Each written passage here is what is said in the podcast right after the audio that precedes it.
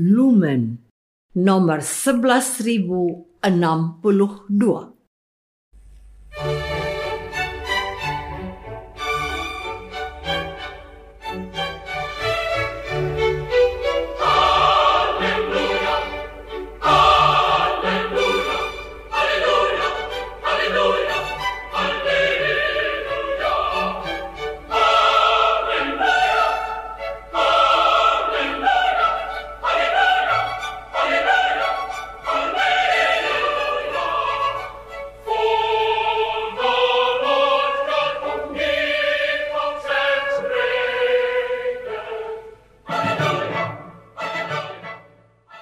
Saudara pendengar di segenap penjuru tanah air, selamat bergabung dengan Lumen Indonesia. Lumen Indonesia siap melayani Anda setiap hari. Saudara terkasih, marilah kita bersatu dalam Tuhan kita Yesus Kristus yang tidak berubah dahulu, sekarang, dan selama-lamanya. Allah Sang Maha Rahim mengasihi dan menerima sebagaimana adanya kita Allah Bapa kita di surga senantiasa bersedia menolong, menghibur, dan meneguhkan kita dalam menghadapi segala permasalahan hidup sehari-hari.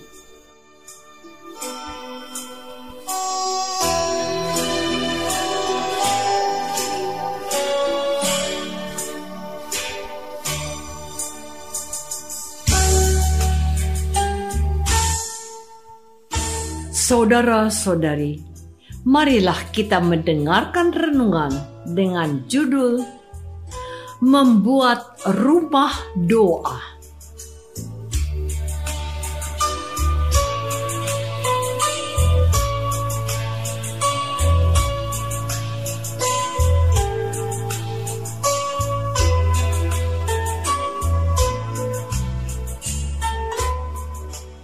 Yang berdasarkan pada Injil Lukas bab 19 ayat 45 sampai 47a. Lalu Yesus masuk ke bait Allah dan mulailah Yesus mengusir semua pedagang di situ. Kata Yesus kepada mereka, "Ada tertulis, rumahku adalah rumah doa." Tetapi kamu menjadikannya sarang penyamun. Tiap-tiap hari Yesus mengajar di dalam bait Allah.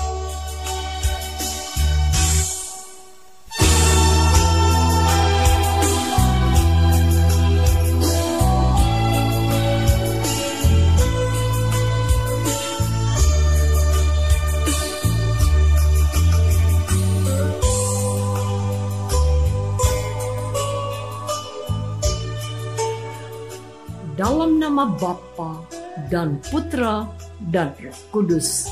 Amin. Saudara-saudari terkasih dalam nama Tuhan Yesus Kristus. Bacaan Injil pada hari ini merupakan kelanjutan dari bacaan Injil yang kita dengar kemarin. Kemarin kita mendengar bagaimana Yesus merasakan suatu kesedihan dan keprihatinan yang sangat mendalam sebab penduduk kota Yerusalem membangun tembok yang tinggi untuk menghindarkan mereka dari musuh. Namun, mereka lupa bahwa tembok yang sejati yang membuat manusia bisa hidup dalam damai sejahtera adalah tembok yang dibangun dari kasih dan kebaikan Allah bukan oleh buatan tangan manusia yang berdosa. Sedangkan perhatian kita pada hari ini adalah upaya Yesus membersihkan bait Allah. Diceritakan bahwa Yesus masuk ke bait Allah dan mulailah Yesus mengusir semua pedagang di situ. Yesus berkata kepada mereka, ada tertulis, "Rumahku adalah rumah doa." Tetapi kamu menjadikannya sarang penyamun. Tiap-tiap hari Yesus mengajar di dalam bait Allah. imam-imam kepala dan ahli Taurat serta orang terkemuka dari bangsa Israel berusaha membinasakan Yesus, tetapi mereka tidak tahu bagaimana harus melakukannya, sebab seluruh rakyat terpikat kepada Yesus dan ingin mendengarkan Yesus. Saudara-saudari terkasih, Yesus sedih dan prihatin dengan sikap orang Israel yang tidak sadar bahwa mereka sedang berada dalam ancaman. Tembok dan bangunan kota Yerusalem yang mereka banggakan akan hancur termasuk bait Allah. Yang paling menyedihkan dan menyayat hati Yesus adalah kenyataan bahwa bait Allah pun dipakai untuk berdagang. Di sini kita melihat bahwa pengaruh dunia yang sangat kuat membuat rasa hormat dan rasa cinta manusia kepada bait Allah sebagai simbol rumah ibadat telah hilang. Maka kita dapat membayangkan bahwa kehancuran manusia berawal dari kehilangan rasa hormat dan cinta kepada Allah. Manusia sudah tidak bisa menikmati damai sejahtera manakala mereka melupakan Tuhan. Di sini juga terlihat jelas bahwa dengan menjual di bait Allah, orang Israel tidak lagi menempatkan Allah pada posisi yang tertinggi dan terhormat. Selain itu, mereka tidak lagi menyadari bahwa bait Allah harus dijauhkan dari semua urusan yang bersifat duniawi.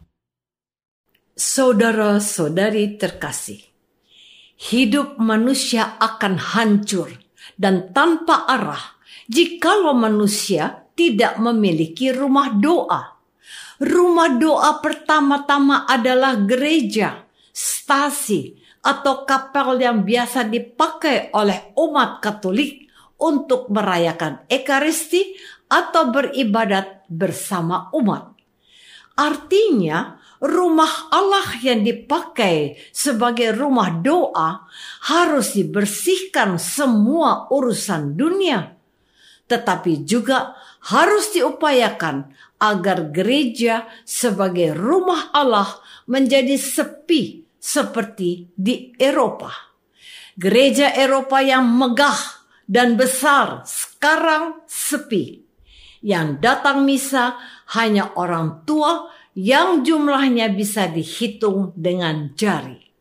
Sangat berbanding terbalik dengan suasana stadion sepak bola atau lapangan sirkuit perlombaan sepeda motor yang ramai. Maka tidak mengherankan bila di Eropa orang tidak peduli dengan Tuhan dan agama. Mereka lebih suka mencari hiburan atau kesenangan lain yang bukan Tuhan. Berbeda dengan gereja di Indonesia. Di Indonesia khususnya, di kota besar, Perayaan Ekaristi pada hari Sabtu dan Minggu dapat dilakukan tiga sampai enam kali dan hampir semua bangku terisi. Memang ini bukan jaminan bahwa gereja Indonesia lebih baik. Tetapi paling tidak umat Katolik di Indonesia menunjukkan kedekatannya dengan Allah dan menjadikan gereja sebagai tempat doa. Saudara-saudari terkasih, rumah doa yang kedua adalah hati kita masing-masing. Tentu, rumah doa yang kedua tidak bisa dipisahkan dengan rumah doa pertama, yakni gereja. Sebab doa bersama akan memberi kekuatan tersendiri kepada kita. Namun, pada saat kita jauh dari gereja atau di tempat kita tidak ada gereja, maka hati kita bisa menjadi rumah doa. Apabila hati kita sudah menjadi rumah doa, maka tempat tinggal atau kamar di mana kita tidur pun akan memberi pengaruh yang baik. Kita juga perlu belajar dari keluarga Katolik dan Kristen yang punya waktu khusus untuk berdoa bersama di rumah. Artinya, rumah kita pun di mana kita dan keluarga tinggal dapat menjadi rumah doa. Dengan menjadikan rumah kita sebagai rumah doa, maka akan tercipta suasana yang damai, indah, dan harmonis. Pengaruh lain adalah munculnya panggilan hidup menjadi imam, bruder, maupun suster. Panggilan jadi imam, bruder, dan suster jarang muncul dari keluarga yang tidak menjadikan rumah mereka sebagai rumah doa. Dari sinilah kita melihat bagaimana dampak dari rumah doa.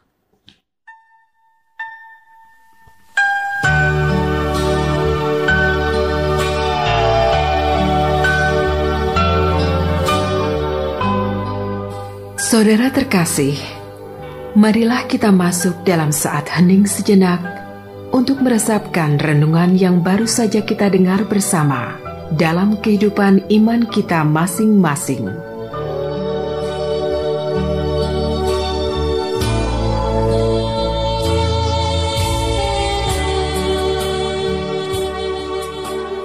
Apakah kita sudah berusaha membuat rumah doa, entah itu gereja, tempat tinggal, bahkan hati kita yang bisa menjadi rumah doa?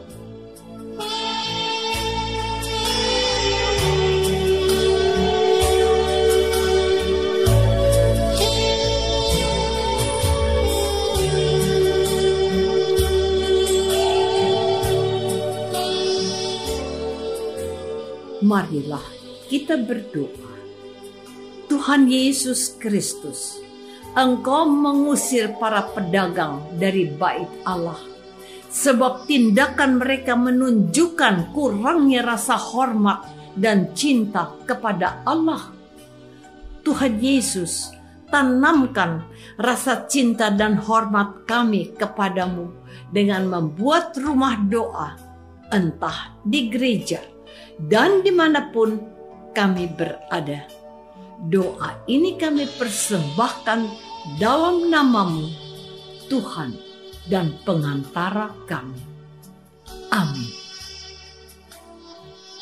Semoga kita semua selalu dinaungi dan dibimbing oleh berkat Allah yang Maha Kuasa, Bapa dan Putra dan Roh Kudus. Amin. Dengan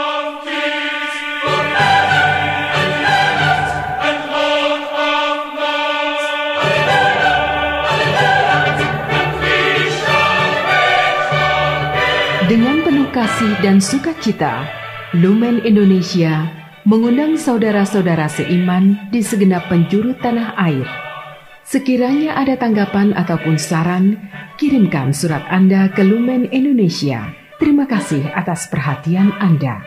Sampai berjumpa lagi dengan Lumen Indonesia pada waktu dan gelombang yang sama esok hari.